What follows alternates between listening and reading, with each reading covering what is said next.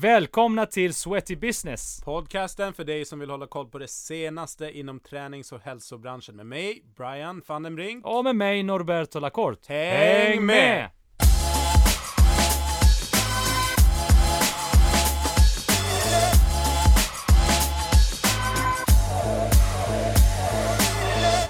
Dagens avsnitt presenterar vi i samarbete med Ljudbank som är Producenter, en ljudstudio som ligger på Söder Mälarstrand i Stockholm. Perfekt för dig som vill göra podd bland annat. Gå in på www.ljudbank.se för mer information.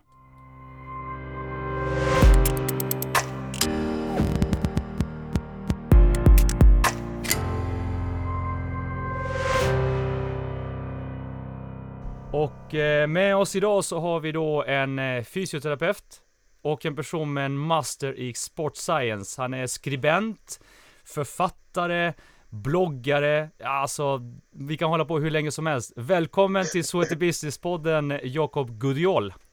Hej hej. Hur eh, har du haft det över jul och nyår? Det har varit väldigt bra faktiskt. Eh, Jag ska inte klaga. Ja, Man ju lite eh, utmattad när man har barn över jul och nyår. ja just det.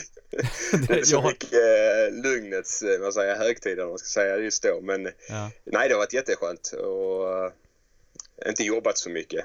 Jag, jag är svårt att hålla mig borta annars. Jag, som du sa, jag gör ju väldigt mycket så ibland, jag lägger inte ner så mycket effektiva timmar ibland men det är ändå liksom så fort man har 10 minuter så tar man upp telefonen och så börjar man titta eh, sociala medier eller man börjar läsa på någon artikel eller något sånt där. Och det har jag ändå lyckats hålla mig ganska bra borta ifrån.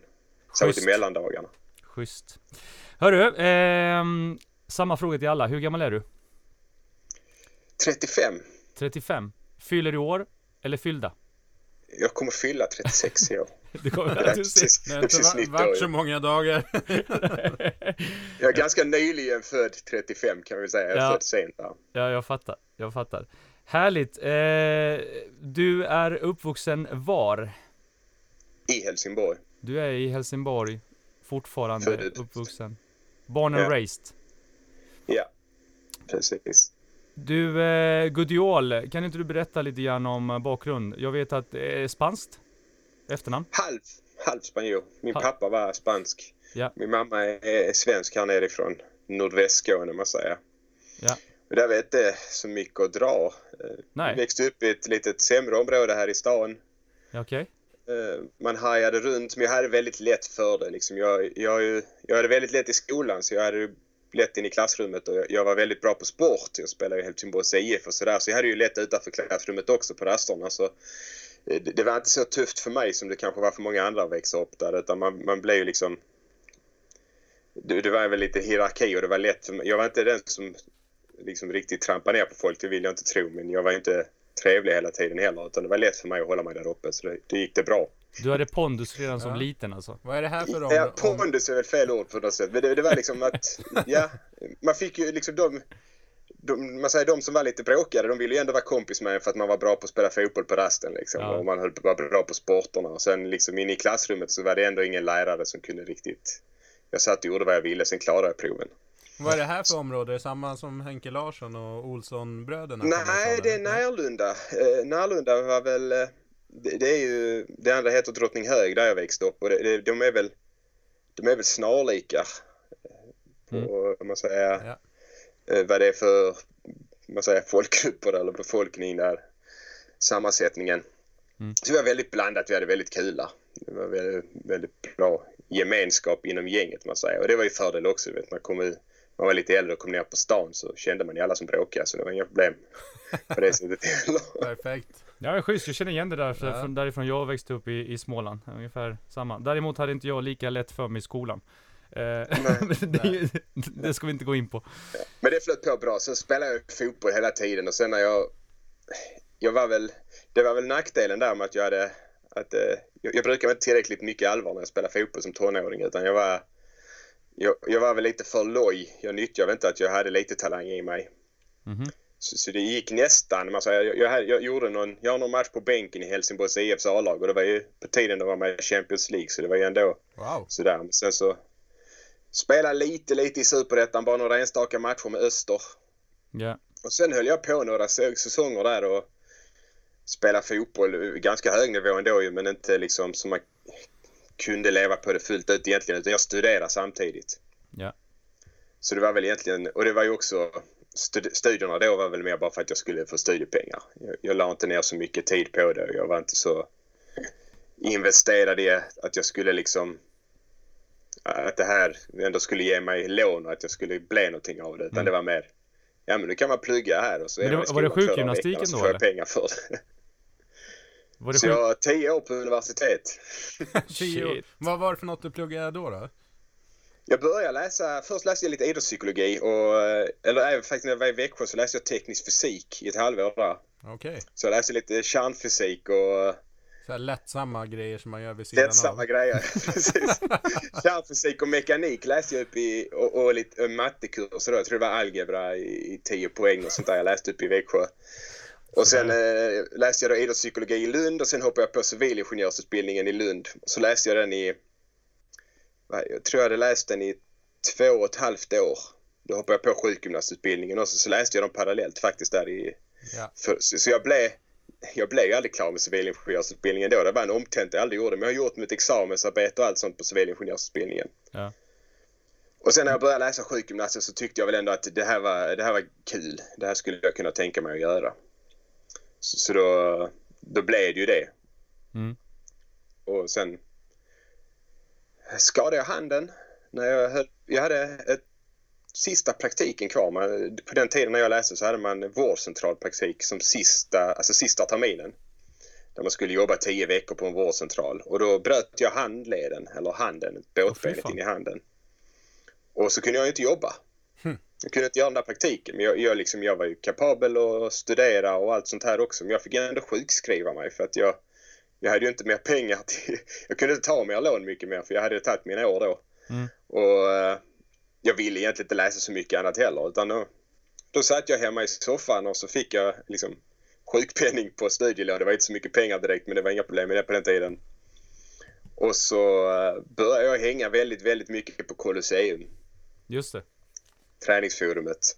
Väldigt bra När forum. När det begav sig. Just det, webbforum. Ja. Precis. Och uh, när man hängde där heltid då, som jag nästan gjorde, så blev man ganska trött på frågorna som kom efter ett tag. Tänkte det här svarade jag ju på för en vecka sedan. Är det ingen som söker? Men det är det ju inte. Nej, det är alltid samma frågor som kommer om och om igen. ja, precis. Ja. Så då tänkte jag, då startar jag en hemsida och, och skriver ner det här. Just det. Och så startade jag träningslära.se och det var 2008. Ja. Och det kommer jag ihåg för jag, jag eh, nämnde ju för dig tidigare att eh, det var ju första gången som jag kom i kontakt med dig. Och i samband med en artikel som du skrev där. Eh, där du ifrågasatte viss träningsform. Vi, vi, vi kommer tillbaka in på det senare. Sen eh, det görs tillfälle till. Mm. Men, men alltså träningslärare.se 20, alltså 20, fan det är 10 år sedan alltså. Ja det är det. Det är 10 år sedan. Mm. Och det var ju en fördel på sätt och vis. För jag startade ju den lite när bloggarna kom igång där. Så jag tror ju det var lättare för mig att liksom komma igång och få en läsarbas än vad det är för många nu tror jag. Mm. Där är ju där är killar och tjejer då och då som startar hemsidor och jag läser ju dem eller startar bloggar och sådär, skriver bra artiklar men de når liksom inte ut i bruset tycker jag det verkar som och så, så efter ett två år så tröttnar man för det är väldigt mycket jobb alltså. Mm. Så jag började med det här 2008 och jag har egentligen inte kunnat leva på det förrän 2014. Nej. Så, så det är många, många år där jag skrev, alltså jag kan ta runt 50 artiklar om året i alla fall, ofta mer. Ja. Och egentligen inte Shit, fick någon större inkomst av det. uthållighet alltså. Mm. Men det är ett jävla driv i det liksom. Alltså vad, vad är det som försiggår i din skalle? Vad är det liksom som, som, som driver dig till att För att det är ett, det, det är ju uppenbart. Jag tror att alla som eh, har följt dig eh, måste fatta att du läser ju extremt mycket. Du mm. måste ju läsa överallt. Du har med dig liksom mobilen på muggen timmar. och... Ja. Nu, nu, ja det är fortfarande timmar, beror på vad man har. Men nu kanske jag sitter två, tre timmar om dagen. Förr var det ju mycket mer. Eh, då satt jag ju bara betade av liksom. Alltså jag bara tycker det är intressant. Jag har egentligen ingen bättre förklaring till det. Jag har ju aldrig haft något eh, större pengadriv heller, vilket jag hade ju säkert kunnat tjäna pengar tidigare än 2014 om jag, om jag skulle velat. Jag vet Body Magazine hörde av sig till mig 2009 och frågade om jag skulle vilja skriva för dem och så sa jag ja och så tror jag skickade in första artikeln 2011. För att jag liksom tyckte det var roligare att lägga upp det på träningslära där folk kunde läsa det utan att betala för det. Ja, just det. Så det... Jag vet faktiskt att det, det, det är... Jag tycker det är kul med vetenskap. Jag tycker det är kul med liksom logik och samtidigt så tyckte jag väl att matte, data, det var väl det jag läste när jag läste civilingenjör. Det var... Det blev nästan lite för enkelt för det var ju ett svar. Ja. Alltså det, var, det var alltid... Jag kom inte alltid fram till rätt svar så, så, så enormt duktig var jag inte men det, det fanns liksom ett facit man kunde kolla upp så gjorde jag rätt. Ja, det gjorde jag. Men ens, eh, när det kommer här till fysiologi och nutrition och så så är det många, många frågor där det blir lite vi vet bara hälften av delarna liksom och så ska, får man lov att spekulera och tänka lite fritt och försöka hitta på idéer och det, skapa struktur av det så att andra förstår och sådär. Det är det jag tycker är kul nu tror jag. Mm. All right, men hur, eh, vad, hur ser en dag ut för dig? Vad sysselsätter du med, med idag egentligen?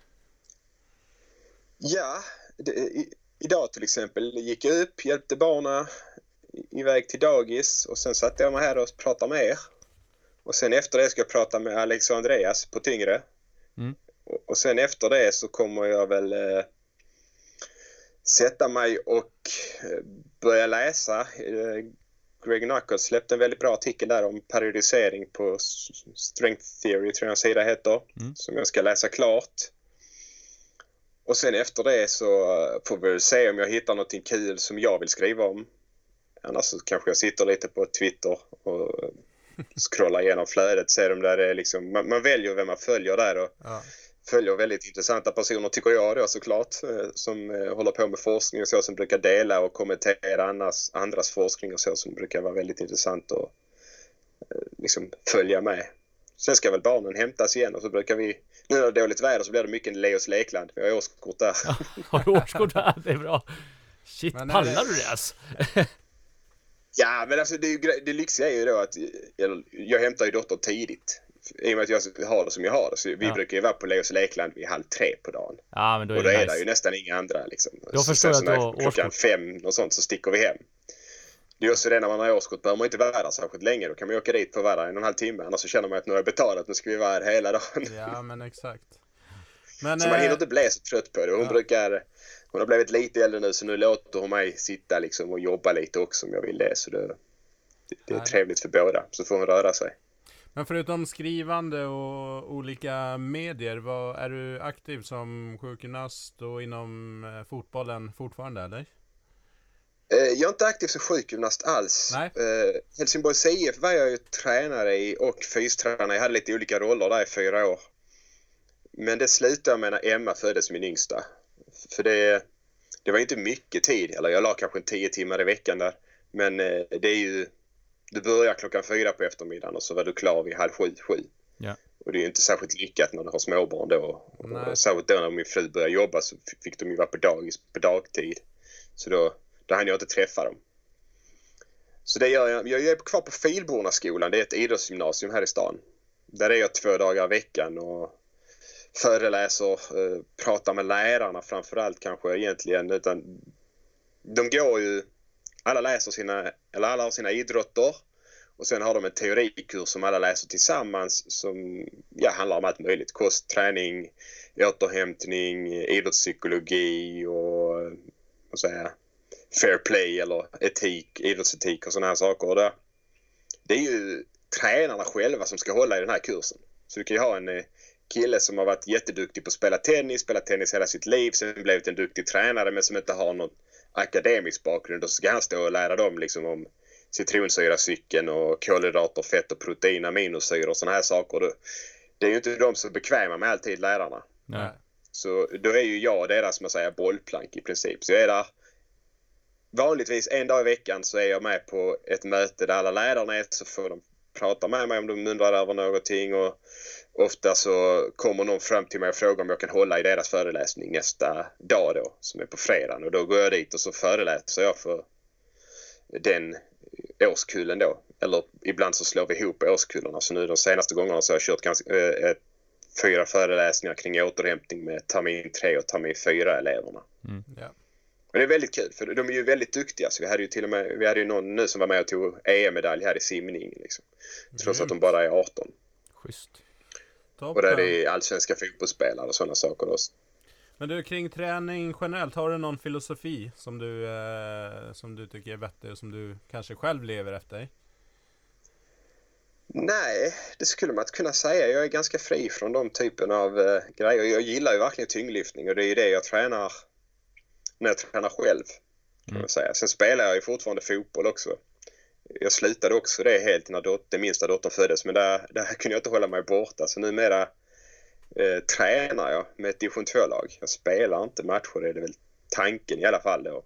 För jag var med på bänken några matcher förra året för att de saknade folk men annars är jag bara med på träningarna. Så Helt- fotboll för, för mitt flås, det är väl det jag gör. Och, och för att liksom träffa folk. Det blir lite ensamt när jag har det här jobbet, förutom när man får prata med folk på Skype som är nu. Men annars är det lite ensamt ibland. Ja. Så det är det kul med fotbollen.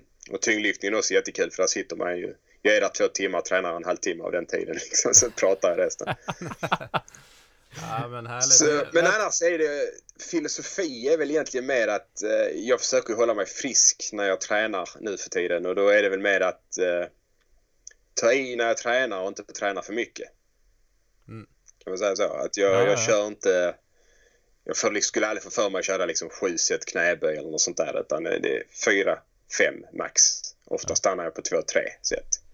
Och det är klart, det är ju inte optimalt om man ska få optimala resultat men samtidigt är jag 35 år och jag har ingen ambition för några optimala resultat heller. Så då, det går framåt när jag väl är konsekvent i träningen kan jag säga.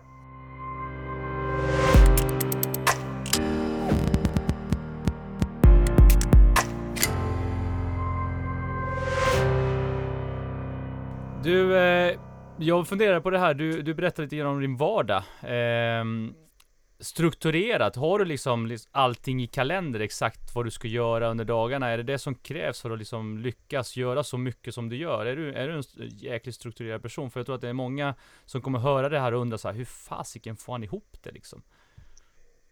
Jag är tyvärr inte strukturerad alls. Eh, min fru tycker nog ännu mer illa om det. Eh, Nej, där är ingen plan någon dag egentligen. Förutom om jag har en föreläsning såklart. Då, då är den ju liksom inlagd i kalendern och då har jag ett larm som piper till en vecka innan då jag borde ta tag i det och liksom förbereda mina slides och såna här saker. Och sen har jag två dagar innan då jag oftast tar tag i det. Mm. Och sen eh, annars är det inte så mycket struktur men jag har ju det väldigt lyxigt där i att eh, ofta när folk vill att jag ska komma och föreläsa så vill de bara att jag ska komma. De vet inte riktigt vad jag ska prata om just för det här. Jag har ju inte något koncept. Jag har ingen diet eller något sånt här eh, som kanske folk vill höra om eller Nej. någon, någon ny träningsform eller så. Utan folk, folk vill de hör av sig till mig och så frågar jag ja, vad vill ni jag ska prata om? Så säger de nej men jag vet inte. Så jag får ofta välja. Ja. Men handlar inte lite grann... tar jag något som är kul för stunden och så fördjupar mig i det. Så får jag liksom en ursäkt och kanske plugga på det eller läsa på i det ämnet eller uppdatera mig lite nytt igen och sådär.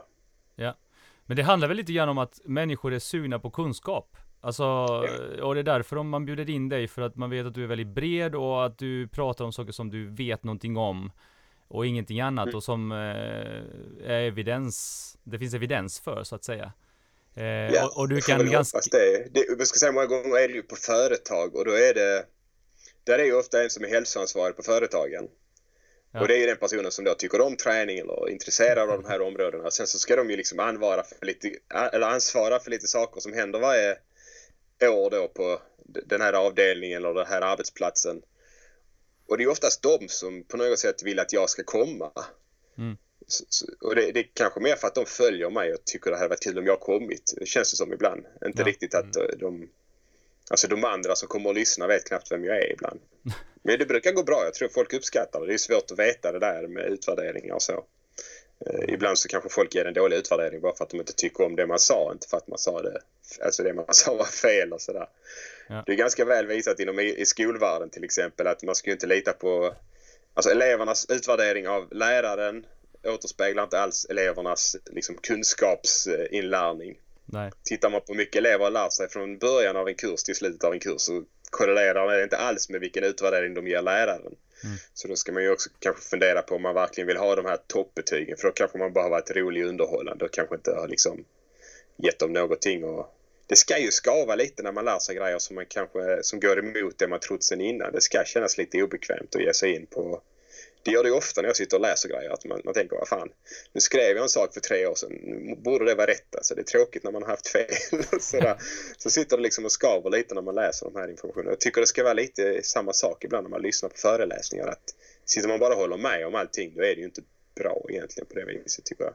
Mm. Men du har ju blivit känd, i alla fall för den breda massan, för just att du, du dissekerar vissa ämnen och eh, angriper det ur ett eh, vetenskapligt perspektiv liksom med olika studier och evidens liksom som antingen omkullkastar eller, eller stärker liksom ett, ett budskap.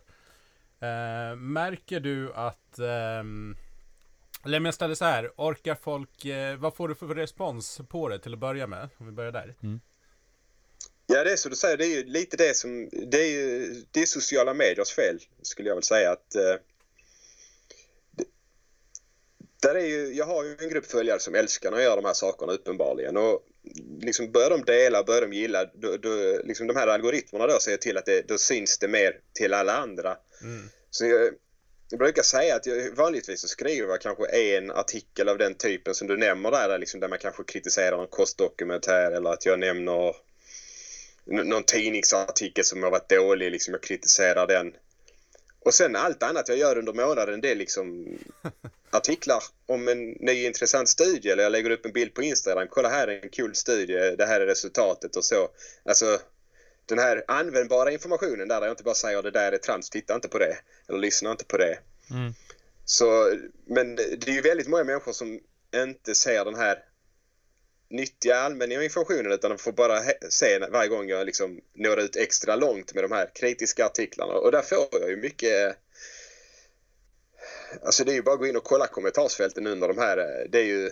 Jag får ju alltid höra att jag, jag är en väldigt tråkig och negativ person och att jag är otrevlig och så vidare. Och det är lite... Jag, jag, jag, jag har aldrig tagit åt mig av det där. Så vi hade värdejargong när jag växte upp och även inom fotbollen är det värdejargong. Så jag är liksom inget men man blir ju tröttsam. Jag är, inte, jag är ju ofta otrevlig när jag svarar dem kan jag säga. Mm. Eh, på sätt och vis. Men det tycker jag att vissa av de här artiklarna kan ju ta en, nästan en vecka att jobba med. Alltså ja. jag har ju någon skrev jag om eh, den här Forks Over Knives. Jag tror det var över 90 referenser med i den artikeln liksom, som jag liksom suttit och läst igenom. Och så kommer någon in och liksom ska bara, bara kalla mig otrevlig utan att och säger att, jag, att min artikel är helt fel utan att säga vad som är fel med den. Och det tycker jag liksom, jag har lagt ner en veckas jobb och någon kommer in och bara ska liksom hoppa på mig och så, varför ska jag vara trevlig tillbaka då? fast, så det är jag ju inte. Men, och men det, är... där får jag ju också kritik och så, men nej. Jag, alltså, jag får ju fler och fler följare så där är ju folk som uppskattar det, man säger, uppenbarligen. Jag får kritik från det också från lite mer, man säger, akademiskt håll ibland att jag att jag inte behöver hålla sån ton, att man inte behöver vara, de, de tar mina texter som nedsättande och sådär. Men då brukar jag alltid kontra med att säga liksom, hur många når ni ut till? Ja. För det, det, det, är ju, tittar vi liksom på de större kanalerna här liksom särskilt inom nutritionsvärlden och sådana här, alltså de som är på Nyhetsmorgon, då har Kostdoktorn, vad är det, 100, ja det är 100 000 plus på Facebook liksom.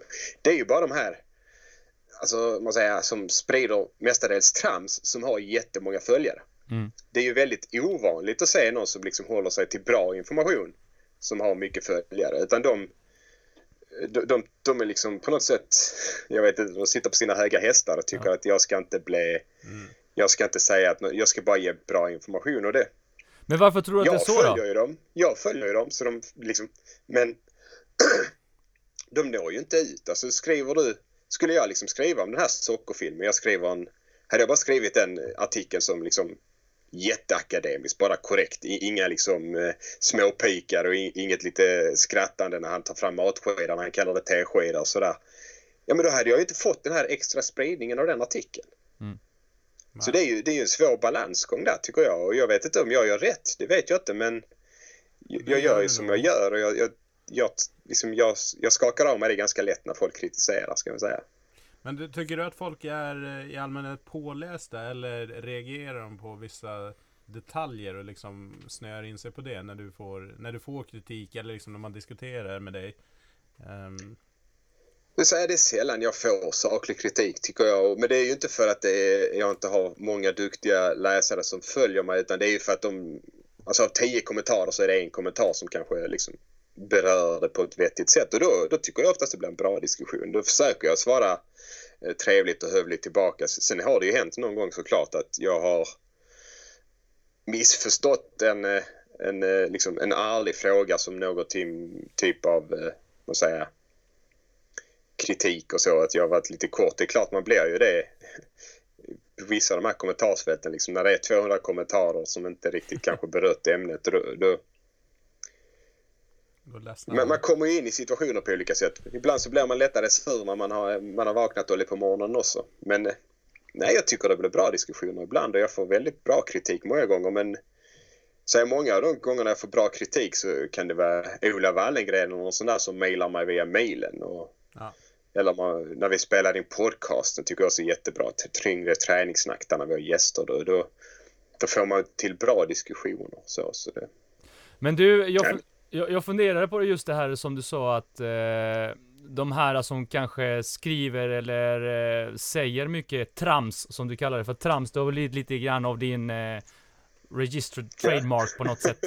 Eh, men varför tror du att det är så att de har sånt följe? Hänger det ihop med det som du sa tidigare att för du sa ju just det här att lära sig saker, det ska skava lite. Det ska vara lite mm. jobbigt. Mm. Och, men de här gör det liksom glossigt och enkelt. Är det därför de har flera för, sån, sån massa liksom?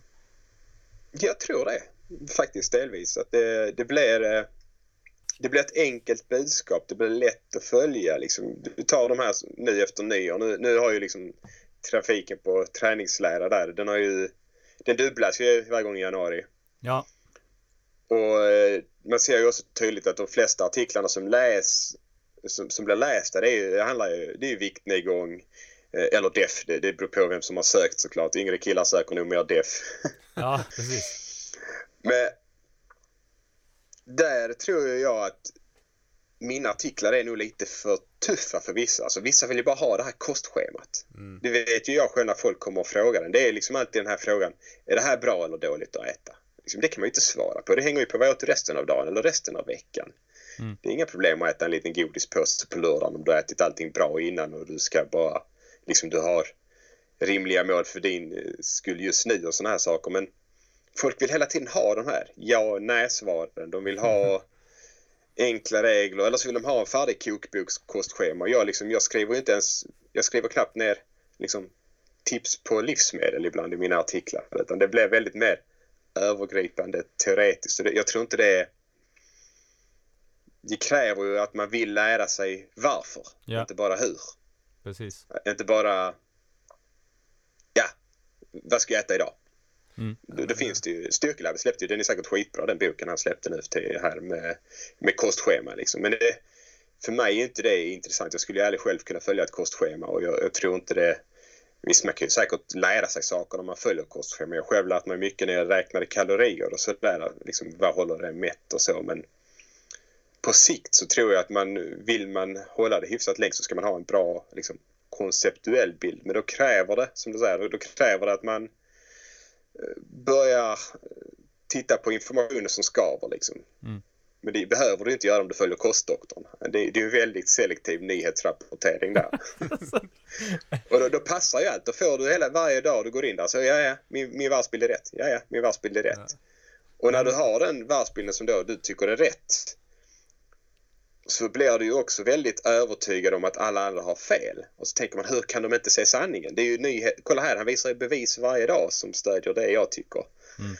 Och de blir ju enormt benägna att dela vidare också.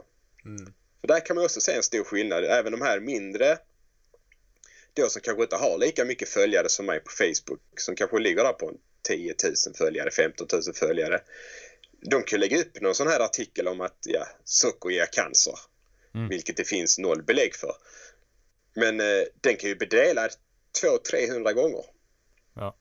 Och så kan jag ha en, liksom då, jag ligger väl 45 000 där omkring nu på Facebook.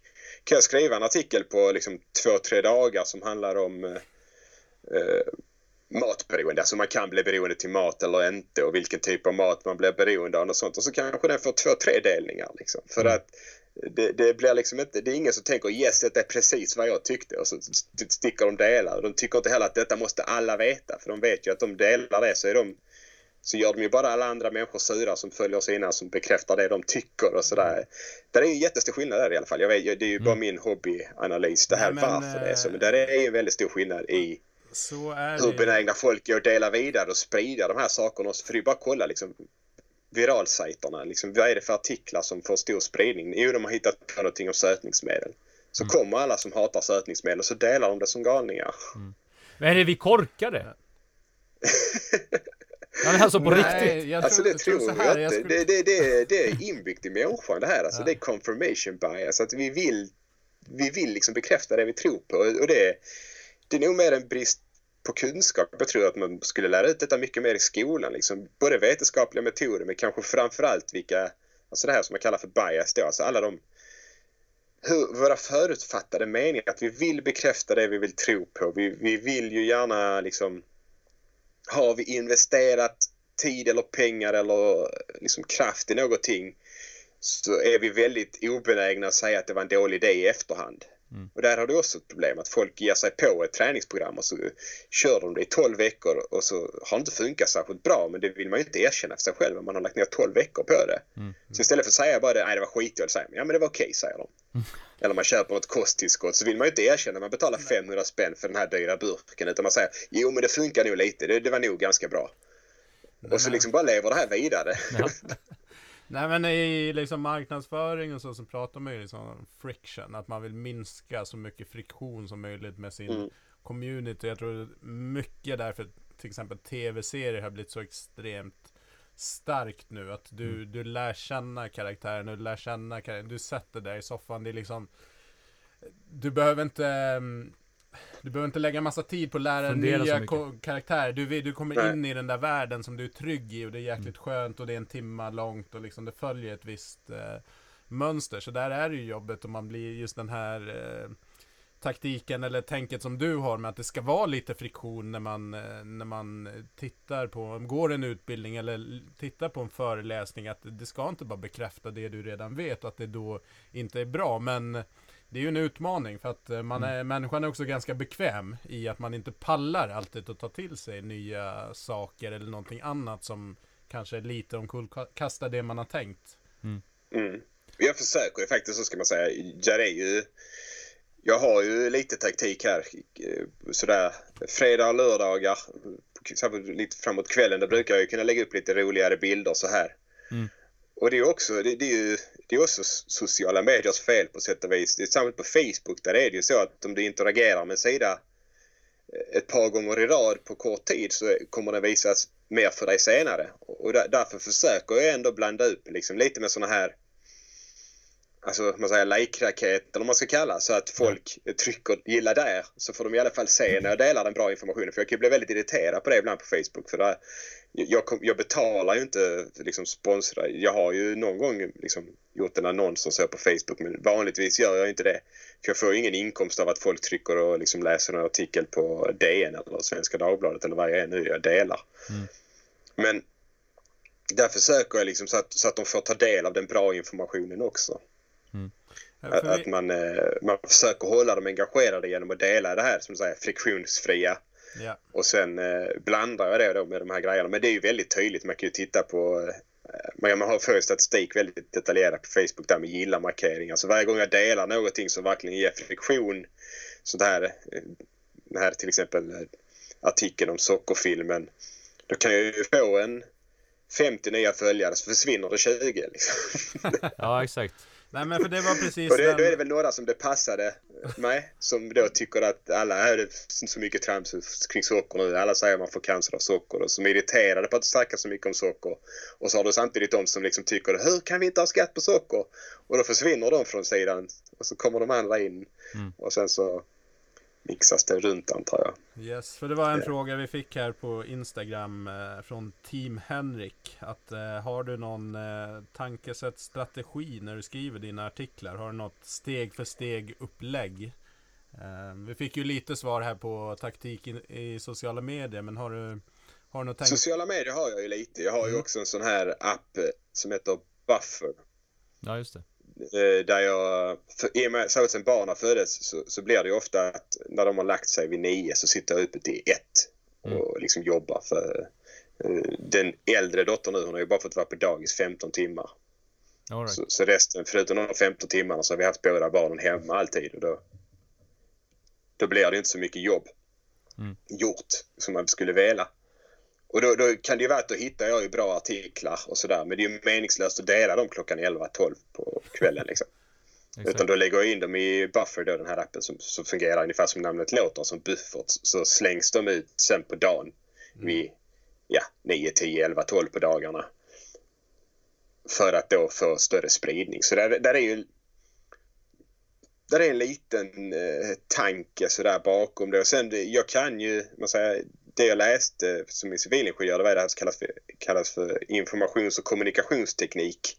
Det var mycket IT, internet och sådana här saker. Så jag, jag är väl hyfsat bekant med det här sökmotorsoptimering och sådana här saker. Så jag, jag skulle inte säga att jag skriver artiklar för det. Alltså det, jag, jag, jag hade garanterat för mycket läsningar om jag skrivit en artikel så här tränar du biceps. Mm. För att folk googlar det på allvar. Men det, för mig är det ju skit. Alltså det är fullständigt ointressant att skriva om det.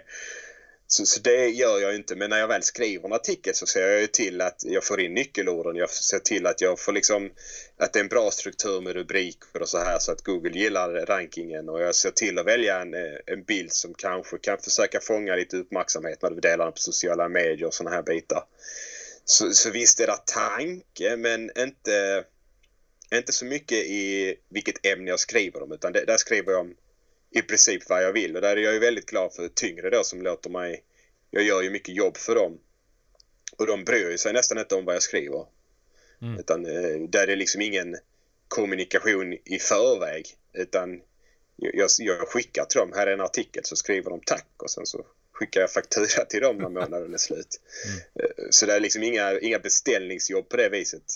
Det- Även om det har hänt någon gång att de har bett mig skriva om ett visst ämne. Det är klart, då kan jag göra det någon enstaka gång. Men annars är det... Jag hittar en studie som jag tycker är cool och då, och då väljer jag att skriva om den. Och då kan det ju vara allting från... Ja, om allergi, det kan vara om gluten, det kan vara om barfotalöpning, det kan vara om konditionsidrott, det kan vara om intervaller, det kan vara om något kosttillskott. Eh, det kan vara bara kring hur man hittar bra studier och sådana här saker. Så det är väl, det är väl mestadels så. Sen får jag ju mycket när vi har frågeavsnitten i podden. Där får jag in, kommer det en fråga upprepade gånger så där så känner jag att ja, men detta är folk uppenbarligen intresserade av. Ja, men då skriver jag någonting Reda ut det. också. Men du, eh, för att det var lite grann det som Brian pratade om, eh, eller frågade om. Hur går det till då? För du hittar någonting som är intressant, du hittar en artikel, en studie som eh, ges ut. Hur går det till? Du läser igenom hela och sen så hittar du en struktur. Kan inte du bara ta oss igenom snabbt den processen eh, i ditt skrivande? Okej, okay, vi, tar, vi kan ju ta en artikel då där jag ska skriva om en studie. Ibland så skriver jag ju, det, det är olika, ibland så skriver jag om, här kommer en ny kul studie, så skriver jag bara om den och dess resultat och sen försöker jag sätta den i ett sammanhang såklart. Men om vi tar den typen av artiklar istället för de här där jag skriver om liksom, ett stort ämne. Så är det ofta så, jag har eh, sådana här alerts. Så varje gång, det är, jag har väl en, jag tror det är 15-20 sådana här vetenskapliga tidskrifter. Varje gång de släpper ett nytt nummer så skickar de ett mail till mig. Mm. Där jag får eh, bara egentligen alla titlarna på alla artiklarna. Ja. Så, så där kommer väl en eh, 40 i genomsnitt om dagen. Det är lite, I vissa dagar kan det komma 100 nya liksom, titlar och vissa dagar kommer det två. Och så tittar jag igenom först bara liksom grov eh, genomgång av titlarna då helt Mm. enkelt. Är, är det relevant överhuvudtaget? Liksom? Är det, verkar det intressant? Och är det det så, så trycker jag vidare och det kanske är 10% jag trycker upp då. Så säger vi att jag har fått 30 stycken nya studier som publiceras den dagen och så har jag jag upp tre stycken abstrakt. Alltså den här korta förkortningen då av vad de har gjort. Och så tittar jag där, verkar detta liksom intressant? Och då är det kanske en av dem. Mm. Där är oftast mer än vad jag hinner skriva tyvärr. Men eh, vi säger där det är en av dem som tänker det här ska jag definitivt skriva om. Då, då får man ju ta ner hela texten. förhoppningsvis kan jag mycket om ämnet sen innan. Det är ju fördelen nu när man har hållit på i tio år att jag, jag har ju bakgrund på de flesta områdena. Ja. Ska man sätta sig in i ett nytt område så tar det ju tid alltså. Mm. Om du vill göra det på ett ordentligt sätt. För då måste man ju läsa studier som har gjorts innan. Man kanske behöver läsa någon översiktsartikel och sådär. Men om vi säger att jag kan det hyfsat bra, då brukar jag liksom skumma inledningen. För då, då, då känner jag att ja, men jag vet varför de gjorde den här studien. Jag vet varför det var intressant. Och sen eh, tittar jag på metoddelen ganska ordentligt för att se liksom är det någonting som gör att den här inte känns så intressant som det kanske verkade från början. Framförallt vid koststudier så är det ju ofta så att det, det är ju väldigt viktigt att veta om eh, hur mycket kalorier de får. Mm. Ska du visa att socker är dåligt, då, då kan det liksom inte... Då funkar det inte att köra en studie där de har ätit sin vanliga mat och så har de lagt till liksom 30 procent eh, socker. Ja. Det gör man i vissa studier. För då går ju folk upp i vikt och folk hade gått upp i vikt även om du lagt, och fått sämre hälsovärden även om du lagt till i form av nötter eller frukt eller grönsaker eller vad som helst. Så går du upp i vikt så blir det sämre och då, då, då vet vi inte riktigt om det var socker som var effekten. Så då, sådana saker tittar jag på där. Och sen eh, då resultatdelen. Och tycker ändå det här var liksom värt att skriva om. Det här, det här var bra. Eh, Då, då börjar jag egentligen och då, då brukar vi ha artikeln, en, liksom, rubriken brukar jag ofta vänta med för det, annars ändrar man alltid den i efterhand ändå. Ja. Så inledningen blir, många gånger nu så blir inledningen på något sätt att jag länkar tillbaka vad jag skrivit om ämnet tidigare. Mm. Jag, jag har tagit upp det här tidigare och så försöker jag summera dem kort så det kan bli en fem, sex stycken. Och sen, sen brukar jag ha med ganska mycket om metoddelen och jag vet att folk inte läser det. Generellt sett ska vi säga att eh, man, kan ju ha sån här heatmap på hemsidan. Alltså där man kan se hur länge folk stannar liksom med en viss bild framför sig av hela hemsidan. Och det, det, det brukar gå snabbare där. Men det är helt okej. Men jag har med det för att jag vill liksom, för de som vill lära sig det. Där är ju många som bara litar på mig kan vi lägga till där. Där är ju många som bara, ja men ge mig summeringen. Ja men precis. Ge mig en Instagram-bild och så tror de på det. Mm. Men det vill ju inte jag att det ska vara så eh, fullt ut. För, för då kan ju jag börja, börja luras i framtiden om jag, om jag skulle behöva pengar eller vad som helst. Mm. Så en ganska lång metoddel där jag egentligen bara berättar liksom, det här gjorde man, det här är varför man gjorde så, det, det är en bra idé och det här kunde man gjort bättre och det var synd att det var fler personer som det oftast är när det är träningsbitar. Och sen, sen resultatdelen, där försöker jag ju framställa det på något sätt så folk förstår. Det, det är ofta det som är det svåra. Det är det som tar tid, att man ska göra en tabell, man ska göra ett diagram. Ja. Man behöver kanske hitta någon liknelse och sådana här saker. Så den, den biten tar oftast eh, störst del att liksom få till. Den kan jag skriva om någon gång också. Mm. Och sen är det bara en kort summering där jag försöker få till allting. Så det, själva artikelskrivandet det är förvånansvärt fort nu för tiden. Ja. Jag, det är sällan jag läser igenom artikeln efter jag skrivit den. Utan jag börjar från början så har jag tre timmar så skriver jag ner och sen skickar jag den till Andreas och Alex. Mm. Och Alex vet jag, han, han skumläser igenom i alla fall. Han läser vad det handlar om. Men ibland missar vi ju stavfel och sådär vilket är lite pinsamt. Jag är inte så bra på skrivandet. Mm. Eh, egentligen. Man säger, jag, var, jag hade lätt för det i skolan men jag, jag brydde inte mig så mycket så jag gjorde inga uppgifter och sådär. Så jag, jag är inte bra på historia och de bitarna heller. Jag är inte bra på stavar och sådana saker. Du, eh, vi fick en... Men, så det går fort. Det, Ja. det, det är ganska Ja. enkel eh, process det. Sen eh, på träningsläger har vi ju lite annorlunda. Där har jag ju Niklas Neumann som är med mig fortfarande. Även om han bara skrivit en artikel de sista fem åren och sånt. Men Mm. skriver en artikel där Där så fick mejlar han sig mejlar känga. jag Niklas. Och så säger jag här är en artikel, läs igenom den, ge feedback och sådär. Så, så, så titta, alltså på något sätt en enkel form av det man brukar kalla för peer review. Att han läser igenom och säger "Nej, det här tycker inte jag är liksom rimligt eller det här måste du motivera bättre och du kanske ska lägga till detta och så vidare. Så, så träningsledarartiklarna kan bli lite mer genomarbetade i alla fall. Och de, de är, man kan ju säga i bakgrunden så är de många gånger ännu argare än vad de verkar vara när de väl publiceras. Du, vi fick en fråga här från Jon Wingård, en av våra um, stabilaste följare. Eh, han skriver, det vore intressant att höra mer ur ett etiskt perspektiv på hur Jakob ser på att leverera sanningar i en bransch där faktiskt inte alla inte har torrt på fötterna när de för, förespråkar en viss trend, metod, kostupplägg etc. Vad är, är det sanningen som driver det, det att du vill prata om de här ämnena eller vad, vad är det som gör att du vill skriva om dem? Ja du. Eh, jag vet faktiskt inte. Jag, jag, tror det är lite på något sätt... Eh, som sagt, jag tycker inte det är den stora delen jag gör, men det, är, det är såklart det är den stora delen som syns. Det, det förstår jag att det syns ju mycket mer än det andra. Men eh, det var väl mitt sätt att nå ut från början tror jag.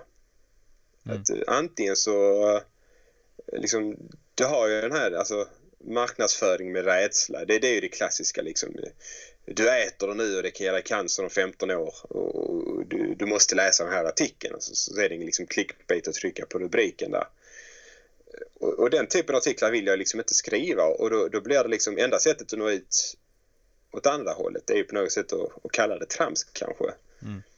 Så, så det, det, är väl lite det. Sen så ja, det är ju mycket trams inom, jag skulle säga det är mer inom hälsobranschen. Jag tycker faktiskt inte fitnessbranschen är så väldigt illa jämfört med, man, säger, man ska kalla det hälso eller wellness eller för när fitnessfestivalen var tillsammans med Allt för hälsan så var det ju alltid värre när man gick in och tittade på Allt för hälsan. Så det, var ju, det var ju healing och homeopati och Olika magneter och vad som helst liksom. Det, Mycket kristaller.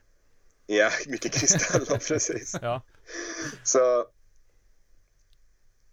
Men en jäkla rättspatos måste det liksom ändå vara i dig. Alltså att du tycker att det ska vara rätt. Och det ska vara sant.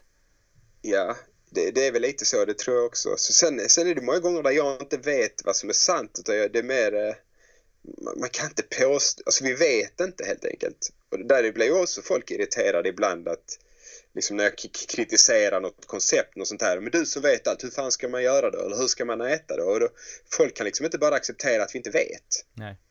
Utan då föredrar de att lyssna på någon som säger att liksom Ja, någon som blir det, som guru. En spirituell ledare mer eller mindre liksom som säger så här är det, lyssna på mig, jag vet. Mm. Liksom, jag, har livets, jag har svar på livets gåtor utan att någon egentligen vet. Och det, det är väl egentligen det jag kanske mer ofta kritiserar och det, det kan ju också få lite orättvis kritik ibland tycker jag från folk som säger ja han bara kritiserar, han vet inte. Nej men jag kan ju inte hjälpa att vi inte vet. Nej.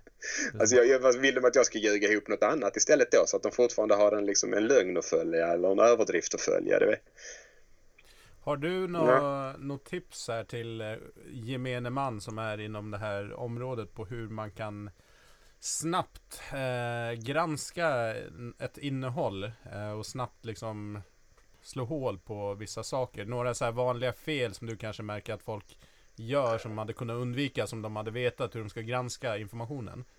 Mm. Alltså det är ju en svår bransch. Det är en väldigt svår bransch för att eh, jag tror att de flesta, alltså, säga, är jag på fitnessfestivalen så där så upplever inte jag att folk är arga på mig, eller man ska säga. Jag tycker de flesta kommer fram och säger att de gillar att läsa det jag gör och när jag träffar folk och även liksom, som sagt det är ju många som följer mig så jag tror ju ändå att folk och jag tror det är mer folk som följer mig som är i fitnessbranschen just för att det kräver det kräver ansträngning att ta till sig mycket av det jag gör. Mm. Så, så jag, men jag tror ju samtidigt att det, det är inte dem du ska sälja dina produkter till. Är du PT till exempel, då ska du sälja till de som inte kan någonting. Mm.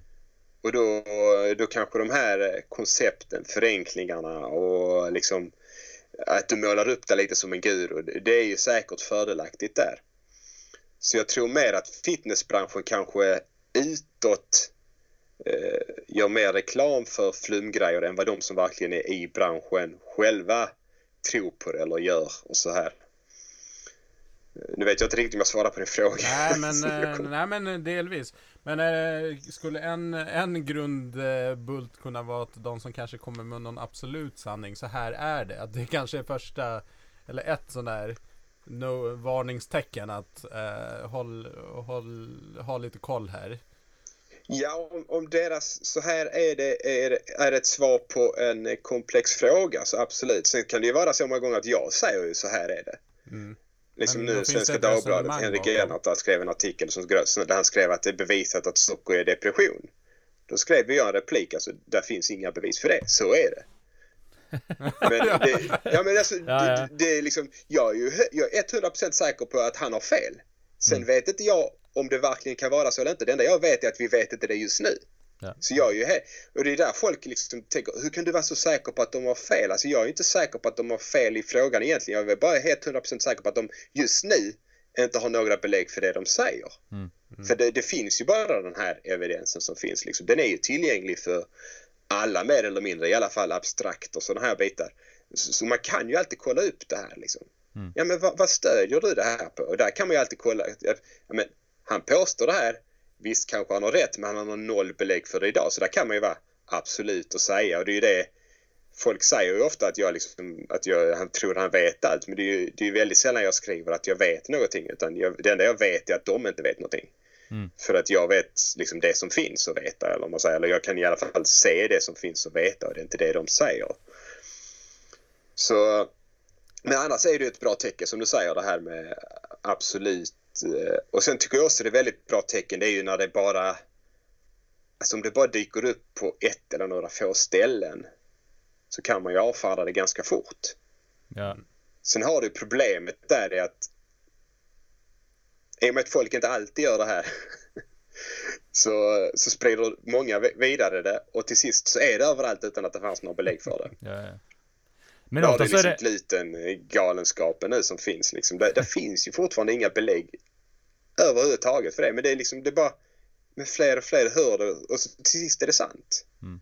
Socker är ju faktiskt lite samma sak. Folk, det finns ju en, en del som talar för att socker i sig själv kan ha negativa hälsoeffekter men det allra, allra mesta är ju för alltså socker får dig att gå upp i vikt och då händer det dåliga saker. Men det är mycket som kan få dig att gå upp i vikt. Alltså tillsatta fetter och oftast mixen. Vet, det, det är kakdegen liksom. Det är ju mjöl, mjöl socker och fett. Mm. Blandar du det Skitgott. så äter folk lätt för mycket av det. Ja, skitmaten som man kallar det. Men idag så... Alltså bara, bara du säger att det inte finns några belägg för att liksom socker är hjärt-kärlsjukdom så tror ju folk att du inte kan någonting. Att jag inte är påläst. Mm. Men där finns inga belägg för det. Det enda som finns belägg för är att om du går upp i vikt så ökar risken för hjärt-kärlsjukdom. Och givetvis kan man ju säga att då, ja, men socker kan bidra till viktuppgång. Ja, det kan du ju, men du kan också äta socker utan att gå upp i vikt. Mm. Men det är så etablerat hos gemene man idag så jag kan ju få påhopp för det. Och när man skriver att det liksom inte finns så kommer de varför försöker man försvara socker och så här. Så, så där är ju svårt. Det- Den funkar inte alltid den här regeln eh, med att det bara finns på ett ställe. Men generellt så liksom, läser du om eh, allt, ja vad ska man säga, i Viral King eller i Aftonbladet Expressen om någon studie hit och dit och det bara står om den där så oftast bara ignorera det. Så om man läser någonting och det bekräftar din egen sanning, då ska du eh, ifrågasätta det. Egentligen så ska det ju vara Ja. så. Egentligen ska det vara så. Särskilt om man, man då en, faktiskt inte har eh, Alltså den här egna sanningen, den är inte byggd på Nej. Att man har läst eh, litteratur, alltså ordentlig litteratur, inte, inte dietböcker eller att man följer någon på sociala medier som påstår det här och så vidare. Eh, Det tycker jag också man ska göra. Men det, det är inte lätt det där. Så det är verkligen inte lätt. Utan eh, vi brukar prata ganska mycket. Vi har ju många avsnitt i tyngre träningssnack om det där. Hur man ska sortera och så här. Men jag tycker ju framförallt att man, man, man ska ju sluta följa de här personerna som man som uppenbarligen inte försöker att vara rättvisa. Mm. Du, kostdoktorn, du kommer aldrig få höra någonting där som liksom talar emot LCHF. Det kommer aldrig komma. Nej. Och då får du inte hela bilden liksom. Utan om det skulle vara så sant, det som kostdoktorn säger, ja men då skulle du ju ha det på alla andra ställen också. Men det är det ju inte. Nej. Och det där tycker jag väl att man, man måste kanske börja sortera lite mer där. Har du, Men eh, Ja.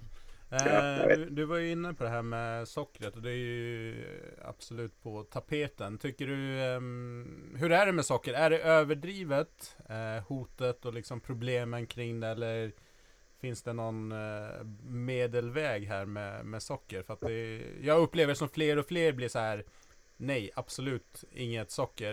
Inte minst på min eh, dotters förskola så var det extrem diskussion här innan jul kring om barnen skulle få eh, sockrad sylt eller inte. Ja.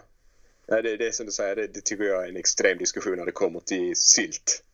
Eh, om det inte är något barn då som slänger upp fyra matskedar. Mm. Men det, det är ju svårt det där. Det är ju, jag tror att bilden blir extrem i vår värld ska man säga.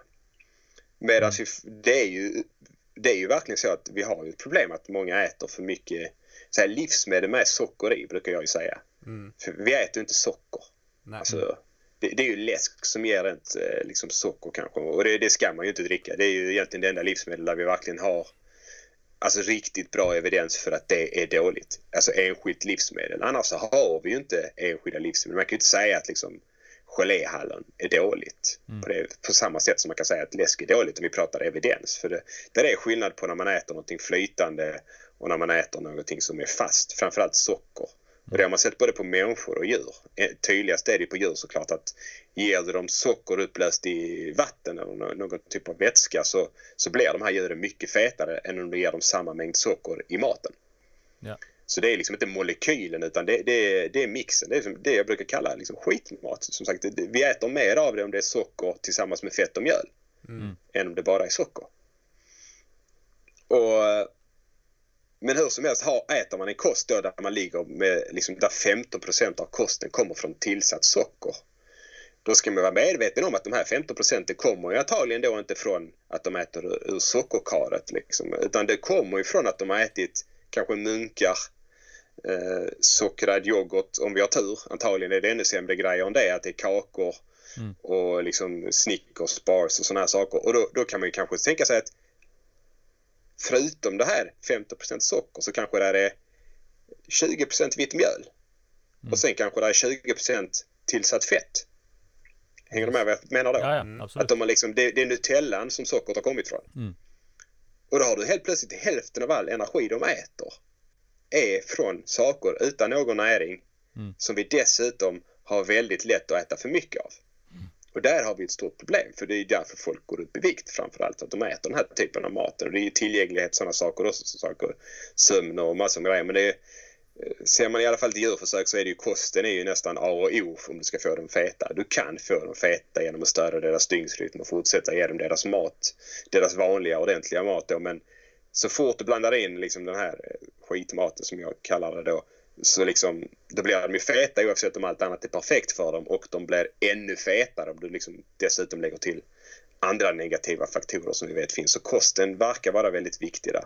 Mm. Och det är där jag ser socker som ett, det stora problemet. att vi, Du får liksom inte i dig 15 energiprocent socker om du inte äter en betydande andel skitmat. Ja. Och, och det, där är ju problemet. Och då, jag är ju ganska mycket emot det här att man liksom nutritionism eller vad man ska kalla det. Man tittar liksom gram fett, gram socker, gram kolhydrat och sådär. Utan det är mer bättre att titta på livsmedel. Liksom. Hur stor andel är liksom den här utrymmesmaten kallas Livsmedelsverket. Så det är helheten som räknas? Ja, eh, Livsmedelsverket, nu, nu är den gammal, det är från 2004 tyvärr, men de gjorde den här Riksmaten barn. Just Och det. där fann de ju att alltså barn och ungdomar då, jag tror de var mellan 4 och 9 år och sånt där i Sverige 2004. Alltså 24 procent av deras kalorier varje dag kom från godis, snacks, kakor, bakelser och så vidare. Mm. Och det är liksom, visst, kollar du på socker då så kanske de bara ligger på 12 procent vilket är precis ovanför rekommendationer men det är fortfarande en fjärdedel och det är genomsnittet alltså. Mm. Och då kan du tänka dig där Brian, de, de, de här föräldrarna på ditt, eh, din förskola som inte vill ge sina barn sylt. Mm. Deras barn är inte i närheten av det här. Nej. Så då är det ju barn som ligger långt över det här. Precis. Och det är, där, det är de barnen som är problemet. Om de här föräldrarna hade gett sitt barn sylt och de hade hamnat på 6% socker istället för 4% socker. Alltså det hade inte gjort varken till eller från. Där har vi inga belägg för att det skulle vara dåligt. Men de där höga nivåerna och när man äter den här maten så får folk att gå upp i vikt. Där kommer ju ohälsa. Så socker är ju ett problem för att det är en så pass god sak som vi gillar att ha som ingrediens. Mm. Lyckas du hålla vikten, du håller dig vältränad, du äter liksom socker kring 5-10 av energiintaget, det är inga problem alls. Alltså det finns inga belägg för att det är dåligt för hälsan. Men är det här du skriver om i din bok, Skitmat? Ja, Så att vill eh, man- jag pratar inte så mycket hälsa där utan det är ju bara vikt. Men vikten, det är ju det är lite vad man vill lägga sig evidensmässigt. Eh, Svenska Dagbladet hade ju någon artikelserie här nu om eh, att kostråden att de var liksom inte baserade på interventionsstudier så här. Men du kan ju inte liksom göra en interventionsstudie för att se ger den här kosten cancer. För då måste du ge folk mat och så ska de äta den maten då i Ja, många exakt. år. Ja. Och folk kommer inte följa den kostråden och så, så vi kommer aldrig få reda på det ultimata. Men däremot vad vi vet. Vi vet vissa saker i kosten som bidrar till att folk lätt äter för mycket. Mm. Och vi vet att när folk har fetma så ökar risken för 13 typer av cancer. Mm. Och vi vet att vi ökar risken för diabetes, vi vet att vi ökar risken för liksom ledförslitningar, vi vet att vi ökar risken för hjärt-kärlsjukdom. Så, så det, är liksom, det är den vägen jag går egentligen. Man säger, försöker gå med boken då. Liksom bara sånt, det här är vad som får folk att gå upp i vikt. Gör inte det. Exakt. kan man väl säga. Yes. Gott Poppis bok så att eh, köp den, ni som är intresserade. Så gör vi lite reklam för den. Ja, tack.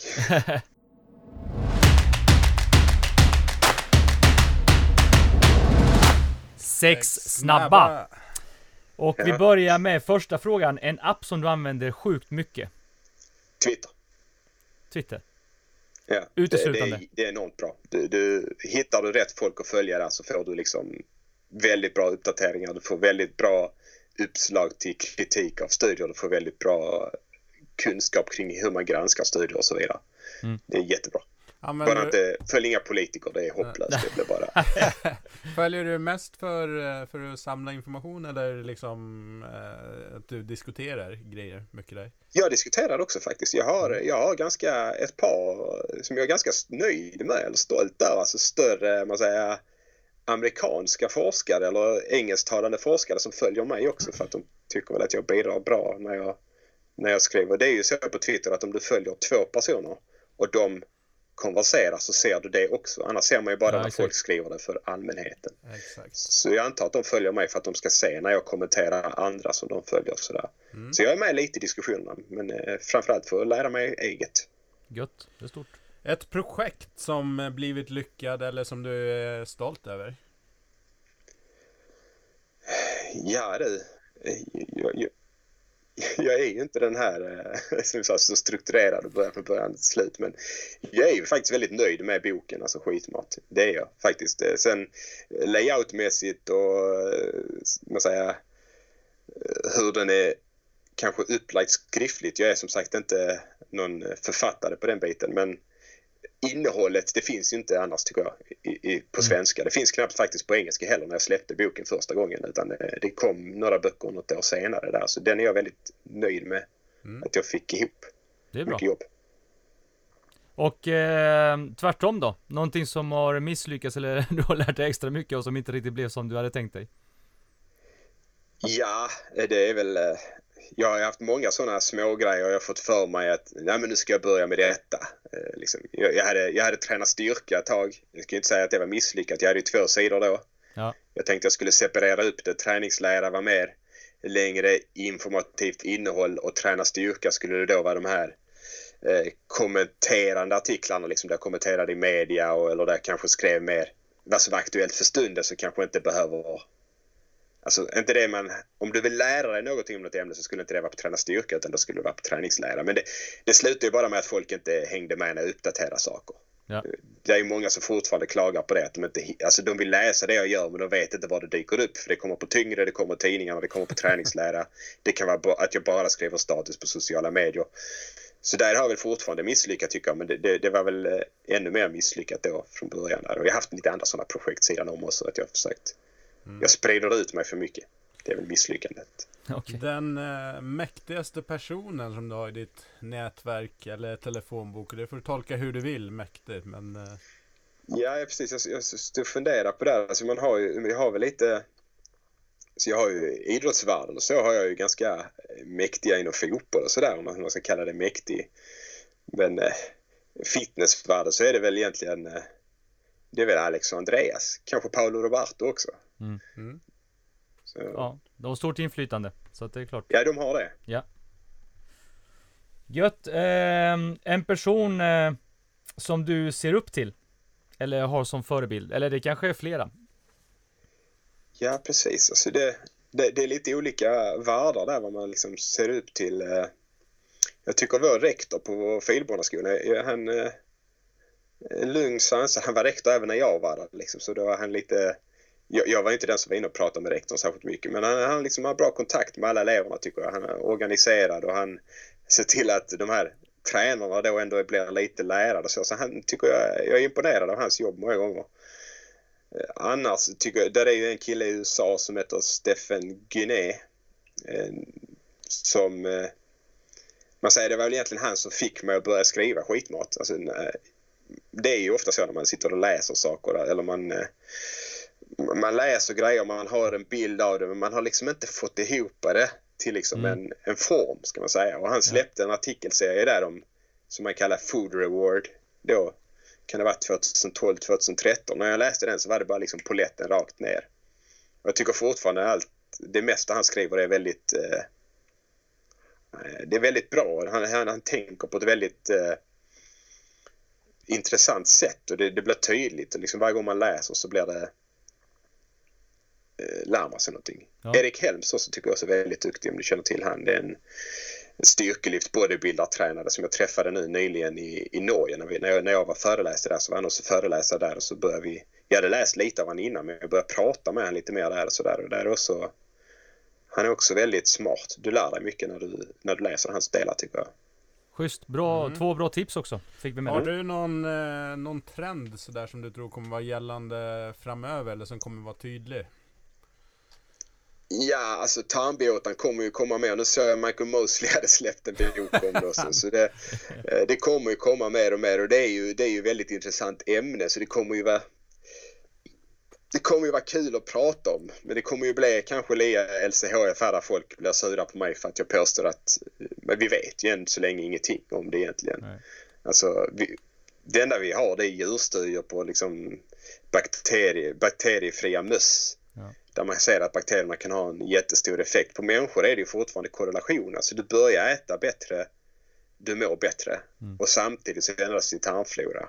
Mm. Och så vill man ju då få det till att det är tarmfloran som gör att vi mår bättre. Men det, det, är, liksom det, det är inte visat det steget. Man, man, kan till exempel man kan börja springa och börja träna så förbättras också din tarmflora.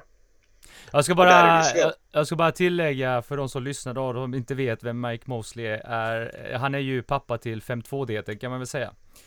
Ja, han har ju släppt, att, han, han, han, är ju reporter där på BBC, alltså exakt. alltså vetenskapsreporter.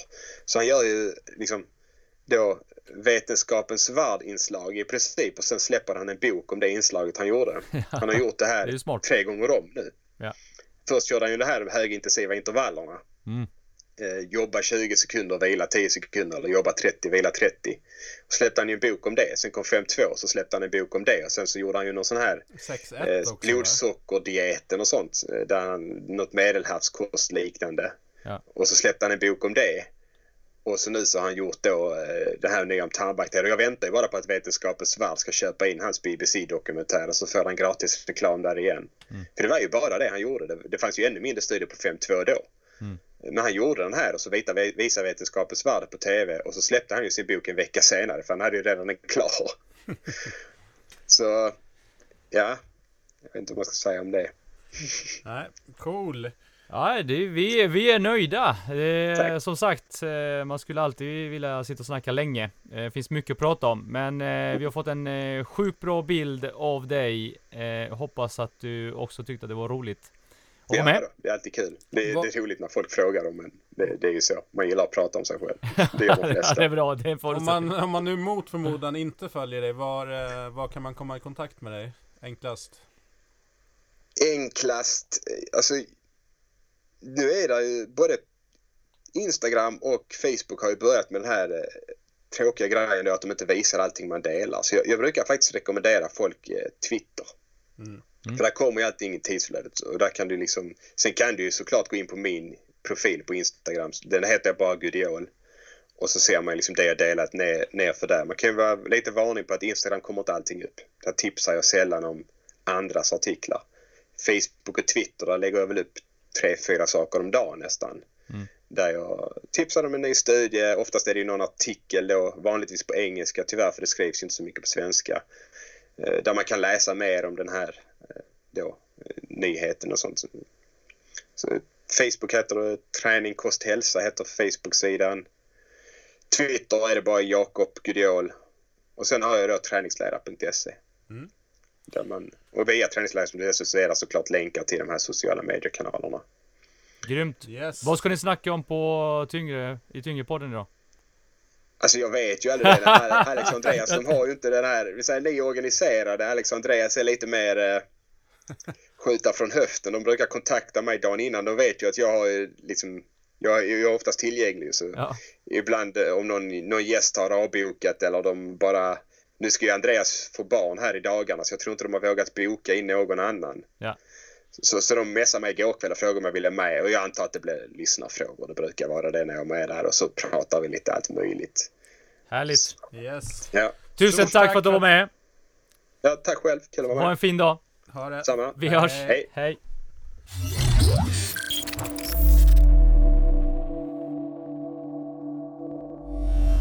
Följ oss gärna i våra sociala kanaler. Facebook, Instagram och YouTube. Du kan också skicka ett mail till oss, sweatybusinesspodd med ett d at gmail.com.